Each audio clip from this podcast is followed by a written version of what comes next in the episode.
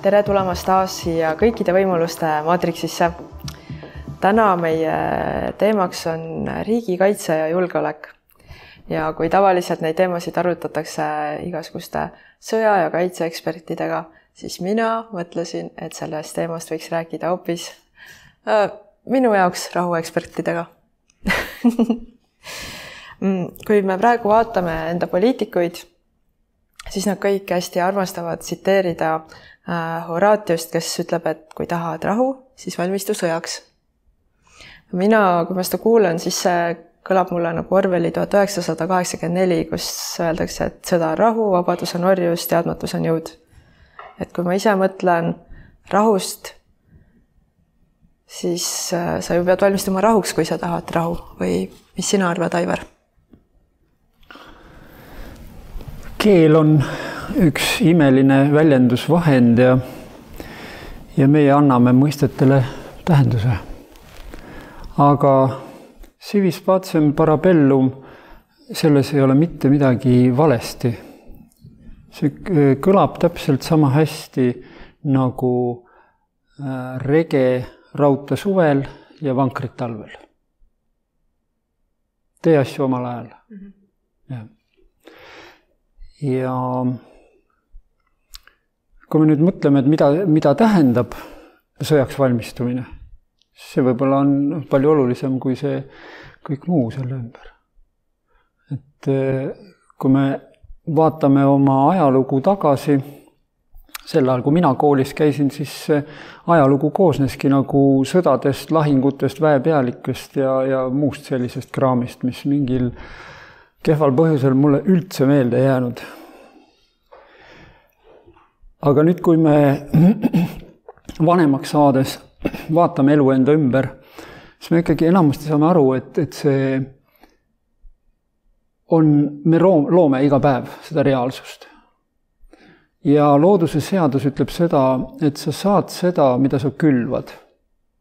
kui sa paned ohaka seemned maha, porgandit ei saa ja vastupidi ka, eks. ja et siit tekibki ikkagi küsimus, et mis see siis eesmärk on. Et äh, ma ütlesin eile Mannile niisuguse asja, et ma isegi tahaks, et see viirus oleks päris, ma tahaks, et need sõjad kõik oleks päris. et siis, siis saab need olukorrad ära lahendada? mina vaatan seda, et äh, ma, ma olen kogu seda teemat uurinud, ütleme laias laastus viisteist aastat ja mina olen täiesti veendunud, et need, kes seal neid asju organiseerivad, nad teevad seda sihilikult. et need sõjad kestaks ja kestaks ja kestaks sest ajaloost on näha, et kõik need sõjad, mis viimased sada aastat on olnud, mitte ükski sõda ei ole päeva lõpuks ära lahendanud mitte ühtegi probleemi, mis justkui, mille, mille, mille tõttu see sõda justkui nagu ala, alustati. ja nüüd ma mõtlengi, mina tahaks, et kõik need konfliktid oleksid päris. ma tahaks, et see nine eleven oleks päris, ma tahaks, et see Putin ja see Zelenskõi omavahel päriselt sõdiks. ma pean siis silmas seda, et ma olen hetkel veendunud, et see on organiseeritud sõjategevus mõlemalt poolt, mõlemat jõudu kontrollitakse ühest kohast. Siis kui see oleks päris sõda, siis ma läheks sõtta. ma teaks, et kui ma nüüd seal hävitan vaenlase ära, siis on kõik. ja sõda saab läbi. jah, sõda saab läbi, ma tahaks, et see viirus oleks päris, et ma teen vaktsiini ära, saan terveks, aga see ei ole niimoodi, kõik need asjad, ükskõik kui palju ma uurin, ükskõik milline neist maailma asjadest ma uurin, ma saan aru, et see on vale, mis nad meile räägivad sõdade puhul siis pead silmas seda, et äh, selle pealt lihtsalt teenitakse niivõrd palju kasumit, et sellega on ju seotud tohutu tööstus, on ju. no üks on see, üks on need uudised, kus nad ütlevad, et jaa, et siin meie selja taga on laevahunnik ja siis on näha, et inimesed selle, tüüp tõmbab ise endale musta koti pähe näitlejatega teevad neid uudiseid, ma mõtlen, kui see oleks päris sõda sada protsenti, siis nad ei teeks niisuguseid uudiseid. ja aga nad tihtipeale ütlevad, et nad teevad neid videosid lihtsalt sellepärast, et nad seda päris lahingutegevuses ei olnud turvaline filmida. või siis päris lahingut võib-olla polnudki. noh, kõik võib olla. jah. Aga Anneli, mis sina arvad, kuidas me saaksime ikkagi, kuidas me saame teha nii, et meil siin Eestis oleks rahu ja meile ei tuleks sõda hmm.? minu meelest aitaks üksnes juba sellest, kui igaüks enda sees äh, mõtleks ise rahule, looks enda elus rahu, looks enda sees rahu ja nagu iga oma elu aspektiks tees seda. ehk ta ise ei sõdiks endaga, ei sõdiks teistega.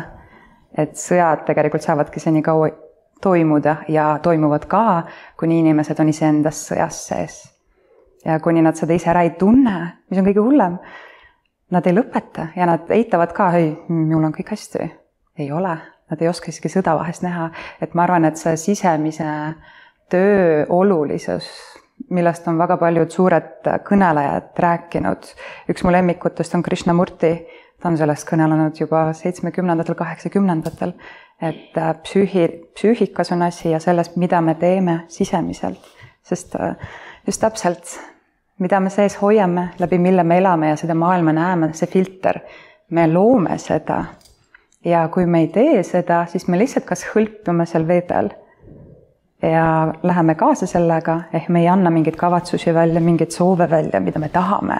Ja me lihtsalt nõustume ja oleme justkui selles sees ja need, kes otsustavad ja ütlevad, on justkui mõjud, aga tegelikult see ei ole nii mm. -hmm et see on päris huvitav, et meil äh, rahu, justkui rahu loomisega tegeleb Kaitseministeerium, mille nimi on kunagi olnud ka Sõjaministeerium et, et selle rahu loomisega tegelevad inimesed, kelle elukutse on sõda.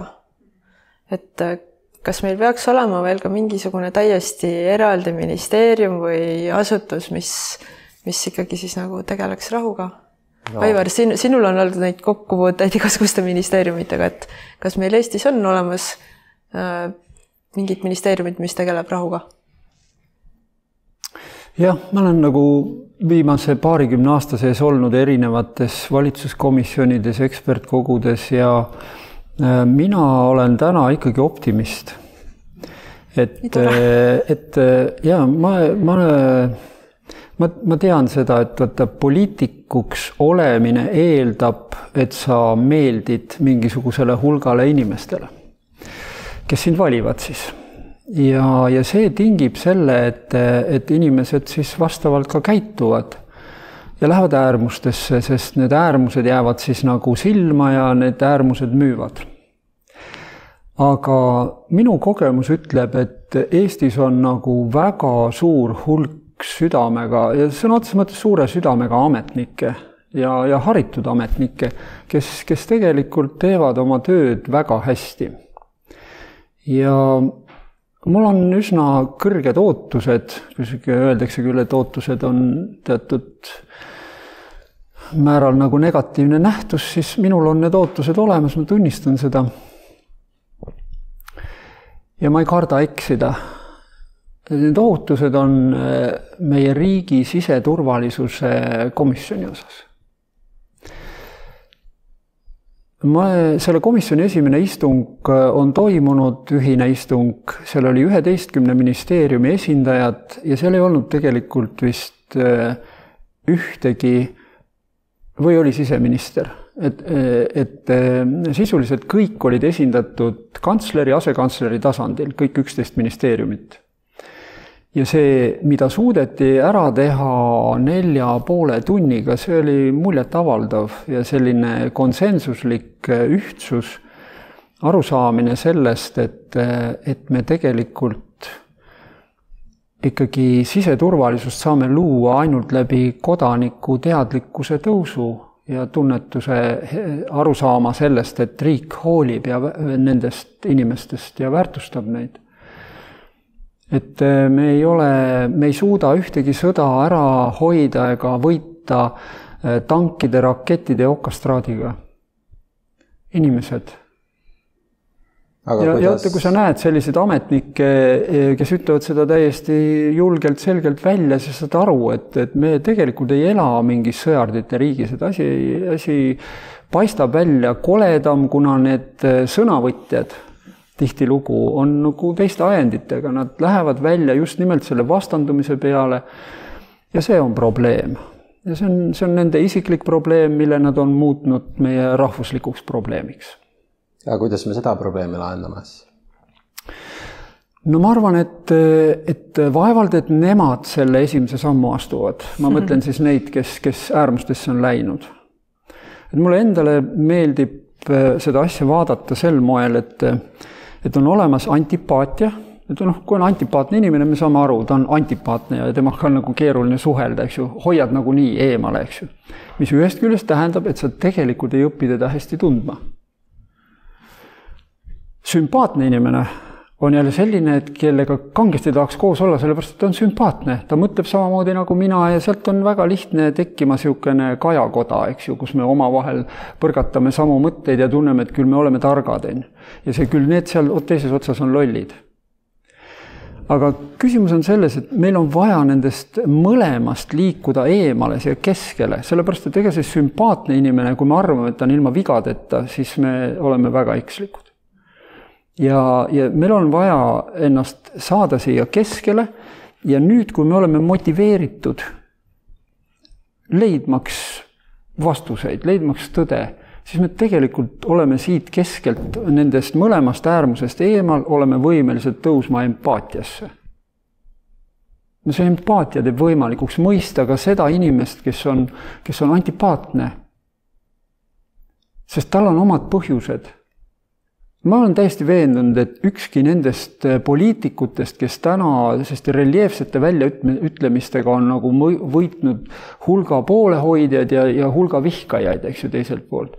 Nad tegelikult, nad ei ole rumalad inimesed, aga nad kuulavad ja, ja võtavad kuulda soovitajaid ja nõustajaid, kellel tegelikult on arusaamine, et, et et civis pacem parabellum tähendab seda, et, et noh, pane ikka tukid vöö vahele ja siis sa oled sõjaks valmis, eks. mitte see, et saavuta sisemine rahu ja vaata ka kõige nagu jaburamat avaldust kui lihtsalt ühte avaldust ja püüa aru saada, miks selline avaldus tehti. ehk siis arusaamine, see siia keskele tulemine ja siit empaatiasse tõusmine on nagu oluline ainult seal on veel üks oluline osa, eks ju, et kui on äh, antipaatia, sümpaatia ja siin üleval keskel on see empaatia, siis tegelikult ka ilma motiivita inimene, kes on nagu korduvalt proovinud seda, teist ja kolmandat, siis ta tegelikult liikudes nendest mõlemast eemale, vihates neid ja, ja ühel hetkel vajub apaatiasse, sest tal on täitsa ükskõik, mis tuleb ja ütlebki, et kurat, see pole enam minu riik ja keegi ei hooli minust ja mingu puu taha, eks ju. ja siis nad ei lähe ka valima ja nad ei ütle ka seda kellelegi, et nad ei lähe valima, eks ju. sest lihtsalt ei lähe. nad ei usu enam millessegi. ja mina küll ei usu, ma olen üks nendest no sina ei ole apaatne, sest muidu me ei istuks siin stuudios praegu. seda küll, aga ja. ma ütlen, ma võtan lühidalt niimoodi kokku, et ma ei usu nendesse tüüpidesse, kelle poolt ma saan hääletada ainus, mis ma usun, on see, et minu silmis see süsteem on ikkagi päeva lõpuks kaardimaja ja kaardimaja on võimeline alla kukkuma. aga ma ei usu, et need tüübid seal midagi ära teevad, see, ma arvan, et see nii-öelda pauk peab kuskilt maalt tulema aga kui sa ütled need tüübid, siis sa, siis sa mõtled konkreetseid inimesi. ja no need, kes seal valiti, ükskõik mis erakond, ma ei tee erakondadele eriti isegi vahet. aga teate, need, need inimesed ei tee meie riiki Need inimesed on lihtsalt seal äh, rääkivad pead, ma ütleks niimoodi, et mitte ühtegi ta inimest tahes solvata, aga nad on rääkivad pead, nad ütlevad välja seda, mida nad usuvad, et tahetakse kuulda, sellepärast et nad tahavad olla tagasi valitud. just jah, see on probleem, eks ju. me ei ole tegelikult õpetanud oma poliitikuid olema rahvamehi. osa nendest on täiesti vaieldamatult ma tunnen poliitikuid, kes on ükskõik, igas parteis on, on rahvamehi, on neid, kes tegelikult on läinud mitte sellepärast, et, et meeldida inimestele, vaid läinud tõesti sellepärast, et nad südamest soovivad rahvale midagi head teha. Neid on absoluutselt igas parteis. samasuguseid on, samamoodi on igas parteis neid, kes ei, keda peaks, ma ei tea, kaikaga eemale hoidma sealt Toompeal, noh aga see on paraku, see on meie tänane reaalsus, sest me oleme lahku läinud, eks ju. meie rahvast täna eh, ühendab eh, ainult nagu, eks ju, võiks öelda, et ühine vaenlane. annaks jumal, et me ei pea seda üle elama. aga me praegu liigume selles suunas mm. -hmm kuidas siis ikkagi teha, et me sinna suunas ei liiga, liiguks, et ma, ma teen uudised lahti, ma vaatan jälle, kuidas mõni poliitik on teinud mingisuguse avalduse meie äh, naaberriigi juhtide suunal. ja ma mõtlen, et äh, kui mina oleksin see inimene või selle riigi esindaja, kellest niimoodi räägitakse, siis, äh, siis see pikapeale nagu ajaks mind ikka päris närvi mm. -hmm. et, et